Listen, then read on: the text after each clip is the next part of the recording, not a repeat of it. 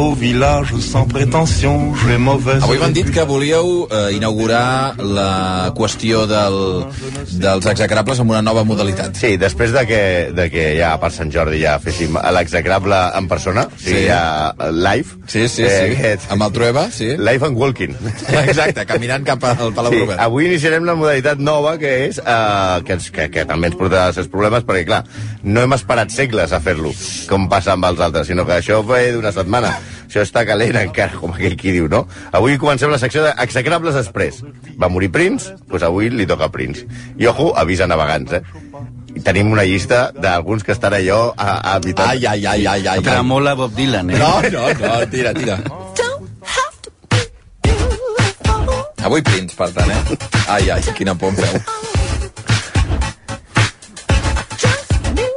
L'artista abans conegut com a Prince... Exacte, sí. Avui analitz analitzem la vida de Prince, abans anomenat amb un símbol impronunciable, abans anomenat amb les sigles en anglès de l'artista abans anomenat Prince, i que abans de tot es deia Prince Rogers Nelson, un tio que va escriure un poema a Donald Trump. Toma ja. Què dius? Sí, senyor, sí, ja ho veurem. Sí, senyor. Perdó?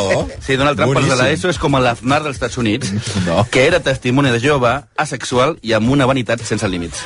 Prince era un geni, i això deia ell mateix. Ell mateix va dir que tocava 27 instruments en el seu primer disc. A veure, molts experts diuen que això és una xanderia i que tocava bé alguns, però no tants. Però després m'he posat a pensar i penso, clar, si tu toques el piano, toques el trompisone, també Ja. que és aquell piano de nens, amb... i això compta com a instrument. I el clavicordio. I el caixotone, Ah, sí. i la pianola, i l'orga, i a l'organillo. O sigui, per tant, és possible que arribem així a 27, no? I que aquest... Això és veritat, si els comptes tots... Sí, Però que, clar, el, el, el, els genis tenen, tenen llicència per exigir tot tipus de bajanades. Per exemple, una de les excentricitats de Prince és que demanava que, quan anés a actuar, pintessin de negre absolut el seu camerino, no? Allà on anava, sempre estava. També ho feien alguns hotels. Eh, a l'hotel Arts, encara recorden com abans d'entrar van haver d'enviar aquí a, Pepe Gotero i Hotel. aquí, amb pintura negra. pintar-ho tot de A pintar- negre. Sí, clar, i després tu arribes a una, a una habitació i dius, hòstia, si tu arribes a un hotel i dius, aquí, i està tot negre, dius, això és les coves del Sado o aquí està el O Prince. ha vingut el Prince. Sí, sí, clar. Sí, la veritat és que Prince era un tarat. Oh, no. Stephanie, la seva A veure, era assistent... un geni, però tenia Sí, algunes... clar, sí, eh, sí, sí. Ara vaig a dulcificar-ho, eh? Era un geni, però tenia algunes, peculi- algunes peculiaritats. D'acord. un, un geni defectuós. Entonces, Stephanie, que era la seva assistent, li va dir al director de cinema Kevin Smith, aquest de Mallrats, Dogma, que Prince feia molt de temps que vivia amb el món de Prince, el que significa- significava que no hi tocava, clar.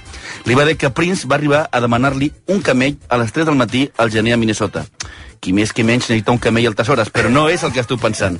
Ell volia un camell ultramedario, és a dir, un animal Ah, un camell Un animal, camell. físicament un, un animal. i ella li va dir, aviam, són les 3 del matí, és diumenge i estem a Minnesota, que vol dir que fa fred.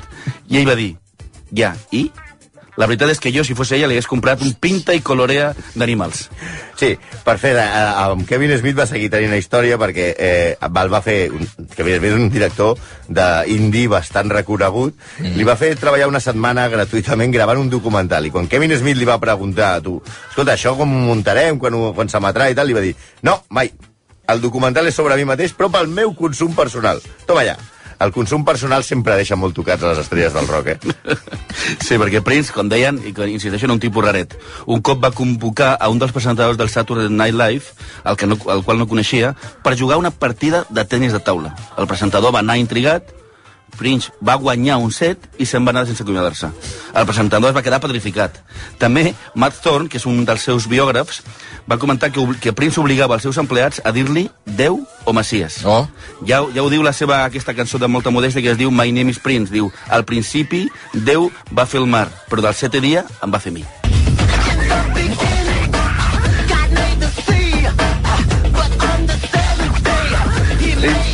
El setè dia em va fer mi, diu aquesta cançó, eh? Boníssim, això. Sí, un tio amb, amb certa... Però amb el tema de la religió va seguir. Aquí va començar amb el tema de la religió, això de la Bíblia, de primer dia, segon dia, Sí. i al final va acabar fent-se testimoni de Jehovà. Eh, això no, no seria greu si no fos perquè aquesta militància en, en aquesta branca del cristianisme va poder tenir molt a veure amb la seva mort. Sembla ser que eh, Prince tenia uns problemes de maluc i calia operar-lo, però aquesta operació eh, eh, està prohibida pels testimonis de Jehovà no perquè tinguin res en contra dels malucs, mm -hmm. sinó perquè no admeten les transfusions de sang. De sang, sí. Aleshores, en lloc d'una operació realment mig senzilla que podia eh, solventar-li el problema al maluc, eh, ell mm, no la va fer i es va dedicar aleshores a, a atiborrar-se de calmants. Un medicament anomenat Percocet, que, el, que se'l prenia constantment per evitar els dolors que tenia en el, en el maluc. La sobre, una, segurament una sobredosi d'aquest calmant va provocar-li la mort.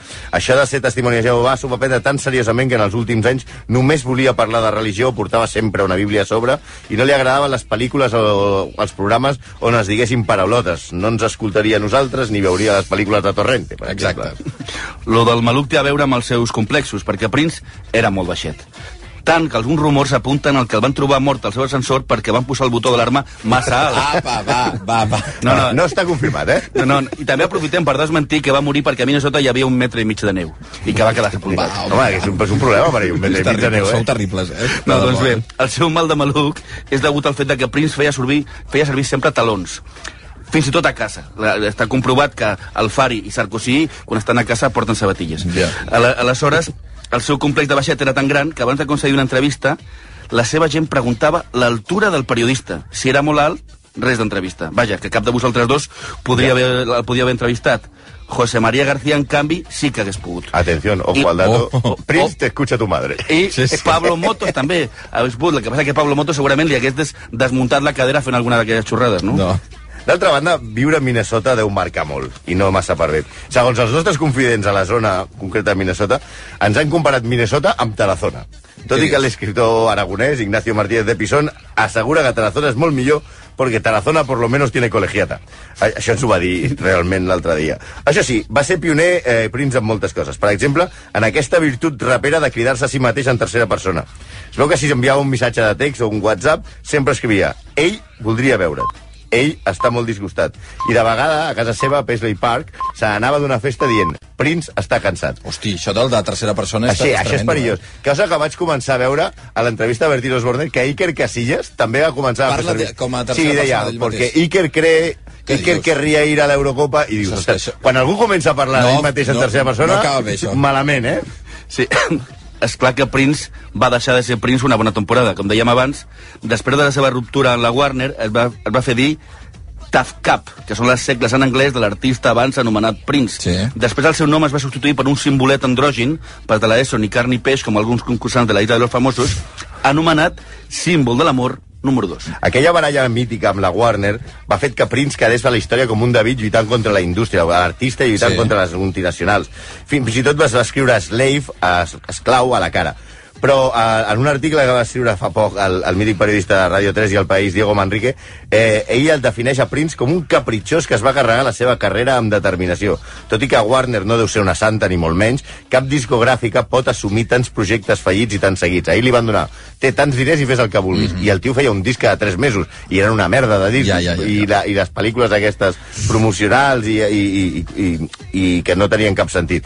Va jugar el paper de víctima i amb això es quedarà, però també la Warner eh, també va dir que, ostres, no podien assumir tota la producció que feia. Sobre Purple Rain, què? Sí, això, el que quedarà segur és Purple Rain. perquè Sí. Aquesta cançó, que és la seva cançó més famosa, que realment és la banda sonora d'una pel·lícula amb el mateix nom que va fer ell, que va recaptar 80 milions de dòlars de l'època, que és moltíssim, i que guanya, va guanyar un Oscar per la seva banda sonora. Però com que Prince té aquesta relació complexa amb la veritat, va anunciar, després de cantar la Super Bowl, va dir que era l'última ve- l'última vegada que la cantava i que mai més tornaria a cantar-la. Però, ai, mentider, ell la va incloure en la seva última gira, que es deia Piano i Mic- Microphone, que per de l'ESO vol dir piano i micròfon. Aquesta no ha sonat gens, aquests No, dies, no? aquests dies no ha sonat mai. No ha sonat no ha sonat res, no? D'això i Joc de Trons? Sí, no se n'ha parlat gens. S'ha parlat gent. Em volies parlar dels pantalons? Sí, Del home, Prince? és que realment eh, el més complex era la seva sexualitat. Recordeu els seus pantalons aquests amb el culet a l'aire? Vull dir, era molt sexual. Ja, ja, ja, ja. Però sembla que no és to, orto del que diu. Prince va escollir a Paz Gómez, una espanyola, com la dona més bella del món, quan va fer la cançó mm -hmm. de Most Beautiful Girl in the World, Sí. va fer un concurs i el va guanyar una, una noia espanyola que va, quan la van portar a Los Angeles i va sortir en el concert, ella es temia que quan el portés a l'hotel eh, Prince faria alguna cosa amb ella. Però Sí. res. Res. Ell mai se li va insinuar. El mateix diu Martica, de la qual Prince va dedicar un àlbum i de deia que estava enamorat. Tampoc va ser eh, el cas de Polonia Cotero, protagonista de la pel·lícula Purple Rain, que explica que Prince no volia anar a dormir amb ella, però es posava gelós de qualsevol que se li acostés, i gairebé la idèntica història l'explica Sheila, la filla de Carlos Santana. Es tombaven al llit, però Prince no feia res per tocar-la. L'únic que diu haver estat assetjat per Prince és Bon Jovi. Sí, home. Sí. Bon Jovi Sí, va dir home. que Prince va estar molt tocón No. el dia que el va No. conèixer. I quan li van preguntar per la sexualitat de Prince, Bon Jovi només va respondre pregunta-li a Elton John. No. El que no li Però podem- perdona, clar, és que, és que tu m'has llançat una, una, una, un titular al principi que no sé què de Donald Trump i, i Prince. Sí, Què? Imagina't, és veritat. Eh? Dos va- tofes cara a cara. No, no, no.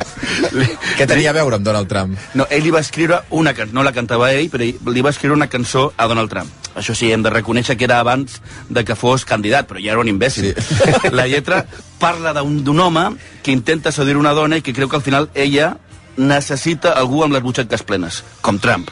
La cançó diu, literalment, Donald Trump, potser és això el que necessites. Un home que satisfaci tots els teus desitjos, tots els teus somnis. Déu-n'hi-do. Toma ja. Citar que Prince, això sí que no ni en tenia ni idea, que havia fet una cançó eh, en què sortia el, el Donald Trump. En fi, execrables, eh, Mira ens anem amb aquesta cançó que efectivament no ha sonat eh, No, en cap moment d'aquesta setmana. Gràcies, eh, Santi. Gràcies A vosaltres. A vosaltres.